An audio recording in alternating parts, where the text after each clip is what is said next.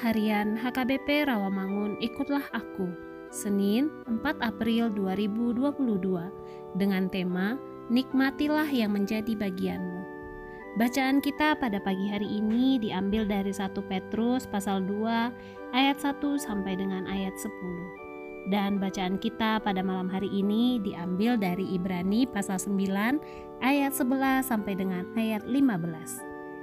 Dan kebenaran firman Tuhan untuk kita pada hari ini diambil dari Amsal pasal 30 ayat 8 yang berbunyi, Jauhkanlah daripadaku kecurangan dan kebohongan. Jangan berikan kepadaku kemiskinan atau kekayaan. Biarkanlah aku menikmati makanan yang menjadi bagianku. Demikian firman Tuhan. Sahabat, ikutlah aku yang dikasihi Tuhan Yesus. Dalam Amsal ini, kita bisa melihat sebuah doa dari Anggur bin Yake. Dua hal aku mohon kepadamu. Jangan itu kau tolak sebelum aku mati, yakni jauhkanlah daripadaku kecurangan dan kebohongan. Jangan berikan kepadaku kemiskinan atau kekayaan. Biarkanlah aku menikmati makanan yang menjadi bagianku ini doa yang sungguh baik. Kita panjatkan, terlebih ketika kita masih belum yakin akan kekuatan iman kita menghadapi limpahan materi.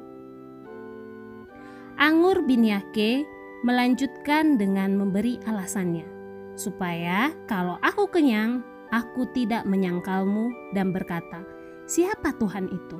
Atau kalau aku miskin, aku mencuri dan mencemarkan nama Allahku. Apakah benar kekristenan tidak mengizinkan kita untuk kaya? Tentu saja kita tidak dilarang untuk berhasil mengalami peningkatan dalam banyak hal, termasuk di dalamnya berkat materi. Ada banyak janji Tuhan untuk memberikan kepada kita kelimpahan, tapi ada hal yang harus kita ingat Jangan sampai berkat materi yang diberikan Tuhan kepada kita malah membuat kita semakin jauh dari Tuhan dan semakin sesat menjalani hidup. Berkat yang diperoleh seharusnya kita pergunakan juga untuk menjadi saluran untuk memberkati orang lain. Kepada kita, semua diberikan tugas khusus untuk menjadi terang dan garam.